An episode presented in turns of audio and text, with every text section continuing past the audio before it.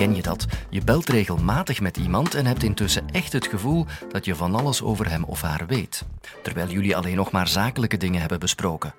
Maar de stem en de woorden die hij of zij gebruikt zeggen soms veel. Of niet? Wat verraadt je taal over je? Een vraag voor de Brusselse sociolinguïst Rick Vosters. Dit is de Universiteit van Vlaanderen.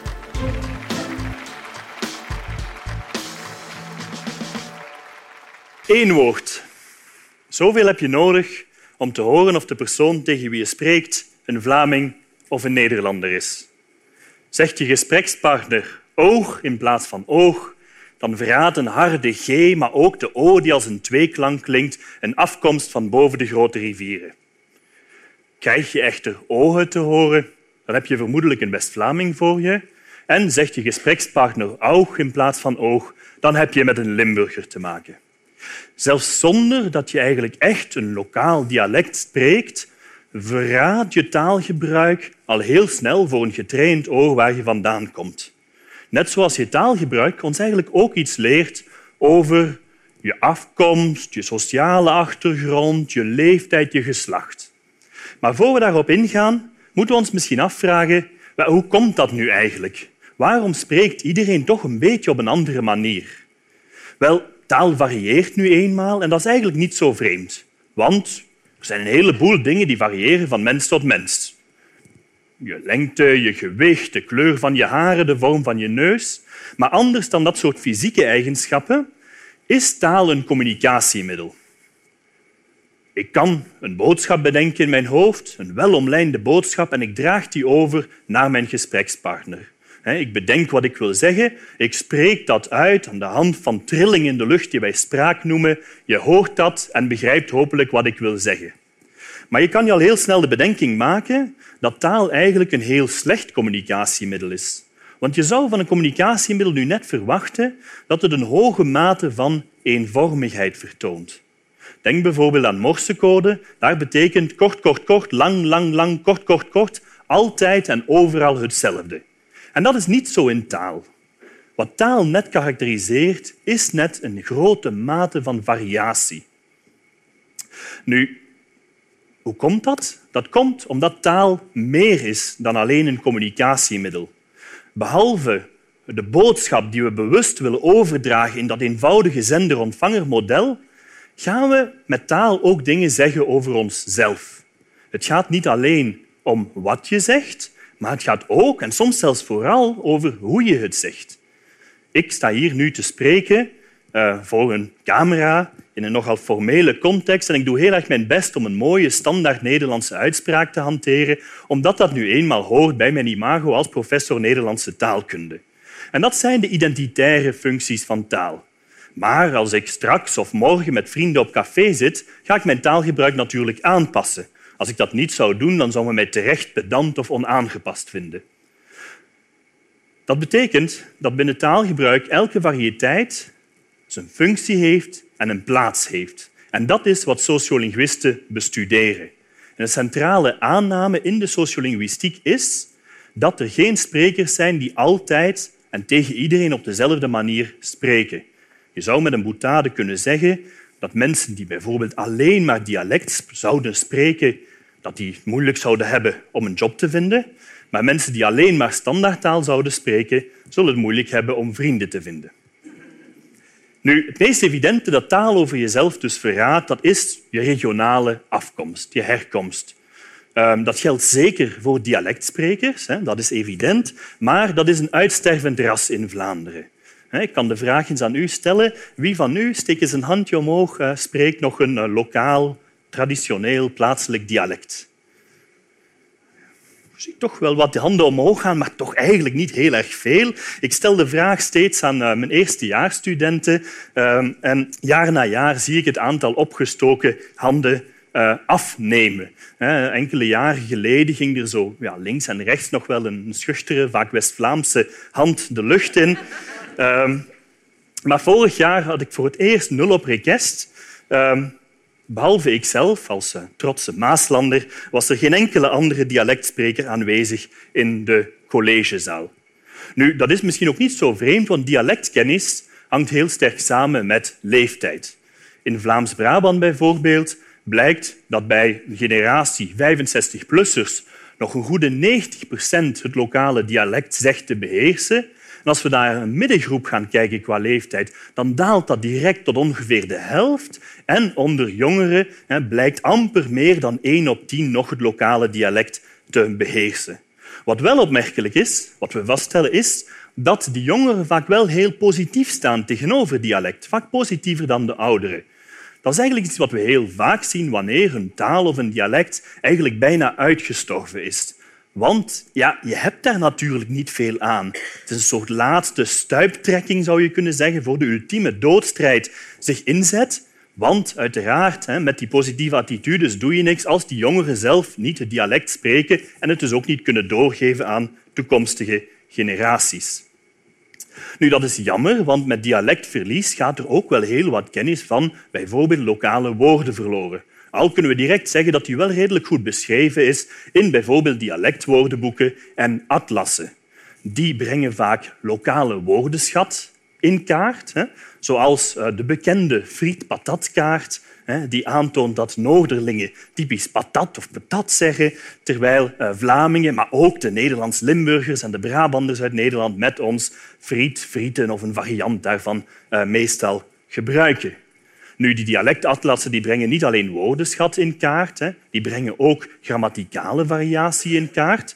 Zo kunnen we bijvoorbeeld denken aan de meervoudsvorming van het woord kind, waar de Vlamingen helemaal in het westen van het, uh, van het land een typisch Vlaams S-meervoud gebruiken, kinders. De Brabanders die sluiten zich aan bij de standaardtaal kinderen en de Limburgers die zeggen, net zoals de Duitsers, kinder, een ER, meervoud zonder meer. Nu, als dat dialect verdwijnt, komt er natuurlijk ook iets voor in de plaats. En waar we vroeger dialect spraken tegen de bakker of tegen de buurman, is dat vandaag meer dan ooit tussentaal. Nu, tussentaal wordt ook wel soms een beetje smalend verkavelingsvlaams of schoonvlaams genoemd. Dat is een variëteit die ja, weliswaar verschilt van regio tot regio, maar die toch een aantal kenmerken over de regio's heen deelt. We kunnen bijvoorbeeld denken aan het gebruik van ge en gij. We kunnen denken aan de verkleinwoorden met ke, boekske in plaats van boekje. En in het algemeen een rijker verbuigingspatroon dan het standaard Nederlands. Als voorbeeldje kan je bijvoorbeeld kijken een man, een vrouw, een kind, ne, een.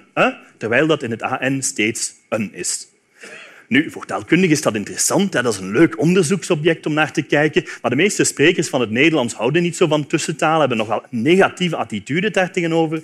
En dat komt omdat die tussentaal ja, ergens natuurlijk de plaats inneemt van die lokale dialecten, maar ook in toenemende mate standaardtaal uit een aantal formelere contexten aan het wegduwen is.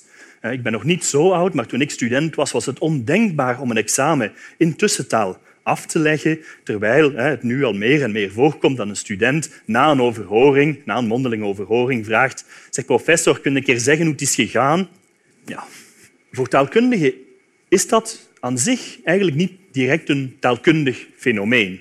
Waarom uh, maakt die tussen, tussentaal opmars? Wel, dat heeft eigenlijk meer te maken... We zien dat eigenlijk in heel Europa uh, gebeuren. In heel Europa zien we um, zo'n informelere tussenvariëteiten furoren maken. En dat heeft waarschijnlijk meer te maken met een groeiende informalisering in een aantal domeinen van de maatschappij, eerder dan met taal aan zich. Je kan het vergelijken. Toen ik student was, zou het ook ondenkbaar zijn geweest om een mondeling examen te komen afleggen in een korte broek, terwijl ik nu jaar na jaar steeds meer blote studentenknietjes onder mijn bureau zie schuiven. Goed. Naast je regionale herkomst verraadt je taal ook iets over je sociale achtergrond. Nu worden in Vlaanderen nogal snel ongemakkelijk als het over sociale klasse, opleidingsniveau gaat. Eh, maar decennia sociolinguïstisch onderzoek hebben eigenlijk aangetoond dat klassegebonden patronen in taal eigenlijk heel courant zijn. En het bekendste onderzoek is zonder twijfel het New York City-onderzoek van Bill LeBow, een Amerikaanse taalkundige. Die trok er in de jaren 60 in Manhattan op uit om de uitspraak van een aantal klanken in kaart te brengen waaronder de Engelse werkwoordsuitgang ing. Die wordt in het standaard Engels als ing uitgesproken, maar die kan ook als in worden uitgesproken. Walking, talking of walking, talking. Beide zijn mogelijk. Walking en talking, dat is de standaard uh, variant. Nu, wat probeerde die onderzoeker te doen? Wel, hij probeerde dat fenomeen dat we G-dropping noemen, het laten vallen van de G op het einde van het woord, dat is niet een heel goede term. Hij probeerde dat in kaart te brengen en hij ontdekte door mensen uit verschillende sociale klassen te interviewen dat dat zeer klassegevoelig is. Daar kwam een zeer duidelijk patroon uit naar voren, zoals je kan zien, waaruit bleek dat hoe hoger de sociale klasse was, hoe minder dat G-dropping voorkwam. En bovendien liet hij de mensen die hij interviewde het woord in kwestie twee keer zeggen. Nadat ze een eerste keer walken hadden gezegd, deed hij alsof hij ze niet verstaan had en zei excuse me? En herhaalde die mensen met een beetje meer nadruk nogmaals het woord dat ze hadden gezegd. Walking. Nu, wat bleek? Wanneer die mensen dat met meer nadruk nog eens herhaalden, bleek het percentage G-dropping nog steeds uh, nog heel erg af te nemen. Mensen gingen minder in in plaats van ing zeggen uh, wanneer ze extra aandacht aan hun taalgebruik uh, besteden. Uh, dus dat betekent dat dat niet alleen een kenmerk is dat typisch is voor de lagere sociale klasse, niet uitsluitend, maar wel typisch voor die lagere sociale klasse, maar dat ook typisch is voor spontaan, ongedwongen, dagdagelijks taalgebruik. Um, wat ook typisch is bij zo'n kenmerk dat toch een beetje gestigmatiseerd is, zoals die G-dropping, dat is dat er hypercorrectie optreedt. En hypercorrectie dat betekent dat je te goed wil doen. Je wil heel erg op je taalgebruik gaan letten. Je wil opletten dat je die fout niet gaat maken en je gaat net fouten maken doordat je te goed wil doen. Voor dat G-dropping betekent dat dat je die ing zeer nadrukkelijk gaat uitspreken, ook waar die niet hoort te staan. En dan krijg je dus uitspraken zoals He looks pretty thin lately. Dat moet natuurlijk thin zijn, maar ook daar wordt die in naar een ing omgezet, terwijl dat hier eigenlijk niet hoort. We kennen dat trouwens ook in het Nederlands natuurlijk. Er zijn een heleboel voorbeelden van hypercorrectie. Maar we kunnen bijvoorbeeld denken aan het, het fenomeen in de Nederlandse tussentaal, waar de h aan het begin van het woord wordt weggelaten. Velen van jullie zullen, als jullie niet op jullie taalgebruik letten, waarschijnlijk een huis zeggen in plaats van een huis. De hypercorrectie is daar dat mensen weten van oei, oei, ik moet die H wel uitspreken, ik mag die niet laten vallen als ik netjes ga spreken. En ook H's gaan beginnen plaatsen waar er geen H's horen te staan. En dan gaan mensen dus dingen zeggen zoals uit het hoofd leren of mijn henkel in plaats van mijn enkel. Ik noem dat ook wel eens het kwak- en boemelfenomeen, naar uh, een van die twee personages uit de Jommeke-strips die dat uh, consequent doet. Het is trouwens geen toeval dat die twee personages uh, zwervers zijn die op zoek zijn naar rijkdom, want hypercorrectie is iets dat typisch voorkomt bij zogenaamde social aspirers, bij mensen die streven naar opwaartse sociale mobiliteit. Je kan ook denken aan het personage van Hyacinth Bucket of Bouquet, die zich aan de hand van haar taalgebruik probeert te onderscheiden om zo de schone schijn op te houden. Goed, naast je regionale herkomst, naast je sociale achtergrond, vertelt, ons, vertelt je taalgebruik ons nog wel wat meer. We kunnen bijvoorbeeld denken aan ja, je geslacht, hoewel het hele idee van een aparte mannen- en vrouwentaal terecht omstreden is. We kunnen misschien denken aan etniciteit, maar we kunnen zeker ook denken aan leeftijd. Probeer het maar eens. Probeer eens tijdens een interview, een fragmentje, een journaal bijvoorbeeld, niet te kijken, maar te luisteren en in te schatten wat de leeftijd kan zijn van de spreker die je hoort. Die inschatting zal vaak zeer goed zijn. En intuïtief voel je natuurlijk ook wel ergens aan dat jouw taalgebruik anders is dan het taalgebruik van je grootmoeder. Nu, hoe komt dat? Dat komt omdat taal natuurlijk verandert. Dat is op zich geen vreemd fenomeen. Taal verandert. We kunnen daarvoor denken aan modewoorden jongere taal bijvoorbeeld. Ik durf hier geen voorbeelden te noemen, want zodra je die veranderen razendsnel en zodra je een voorbeeld noemt, is het alweer passé. Maar ook grammaticale structuren veranderen doorheen de tijd. Nu, als we weten dat taal verandert, dan roept dat natuurlijk voor veel mensen snel de vraag op, is dat dan erg? En het enige juiste taalkundige antwoord dat we op die vraag kunnen geven, dat is een klaar en duidelijk nee. Dat is niet erg. Taal verandert net omdat taal varieert. Net zoals in de biologie is de enorme variatie die we overal om ons heen zien precies de motor voor verandering. Taalvariatie en taalverandering zijn twee zijdes van dezelfde medaille. Precies Omdat taal varieert, kunnen we taal flexibel inzetten om onze eigen identiteit vorm te geven. En daarom is taal geen statisch gegeven.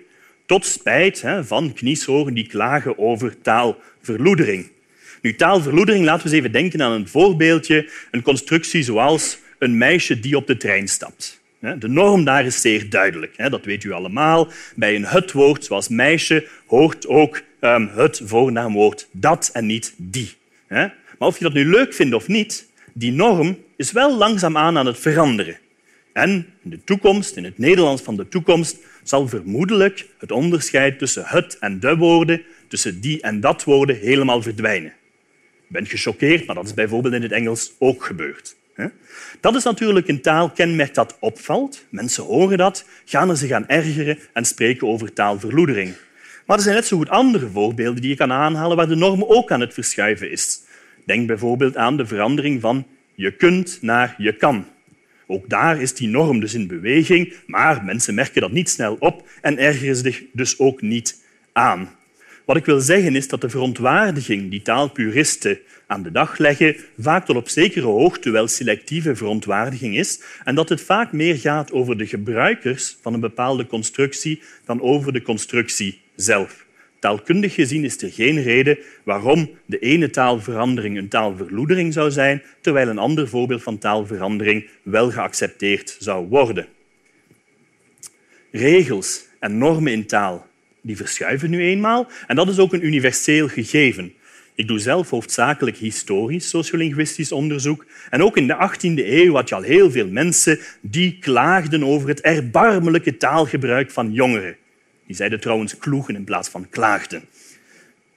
Als we dus om af te sluiten terugkeren naar de centrale vraag wat verraadt je taal over jou, dan kunnen we eigenlijk zeer veel zeggen hè, als antwoord geven.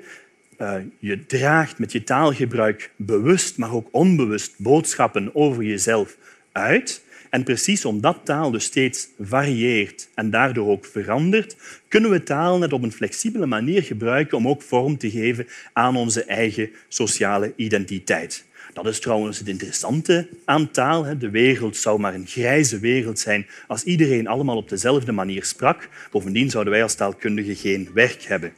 Laat ons dus vooral de grote rijkdom die de Nederlandse taal bezit in al haar vormen waarderen en koesteren. Dank u wel. Interessant. We kunnen je deze podcast gratis aanbieden dankzij de vijf Vlaamse universiteiten, de Jonge Academie, KNAK en Radio 1. Bedankt om te luisteren, te liken en te sharen.